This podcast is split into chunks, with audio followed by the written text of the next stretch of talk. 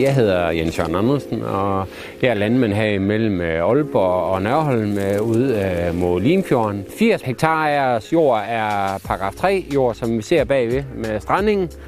Og der har vi en kødkvæsmand, der hjælper os lidt med 25 hektar med armekøer afgræs, og resten afgræsser vi selv. Jordfordelingen den opstår det, at staten vil have et areal, og der er nogle landmænd, der gerne vil fortsætte sin drift. Og øh, hvis så man kan til gode se øh, de tilbageværende producenter, øh, der vil fortsætte med at producere fødevarer, jamen øh, kan de så få en bedre beliggenhed i forhold til deres ejendom, øh, mindre transport, og mange gange så har man jo fået købt lidt jord sådan rundt omkring, og, og nogle gange så, så det man tænker, at det er helt forfærdeligt at deltage i det her, så kan det faktisk blive meget bedre.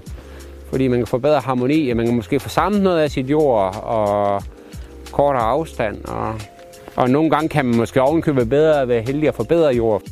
Fordelen kan jo helt klart være, hvis man har øh, de mest sårbare jord, man har. Der er nogle gange også dem, der er mest attraktive til, til natur, at øh, få dem ud af drift og få en øh, bedre jordkvalitet, som man så kan have dyrke mere stabile afgrøder på.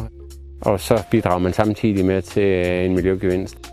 Jeg vil jo helt klart anbefale, at man tager dialogen og øh, snakker med, hvad kan lade sig gøre, kan man få suppleringsjord, kan det blive sammen bedre ved min ejendom, øh, kunne det være muligt for en anden ejendom, kan jeg sælge helt.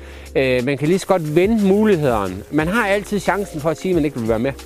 Så det med at starte med at stille sig på bagben, det synes jeg i hvert fald, det vil være en dårlig idé. Den vil jeg helt klart anbefale, at man tager.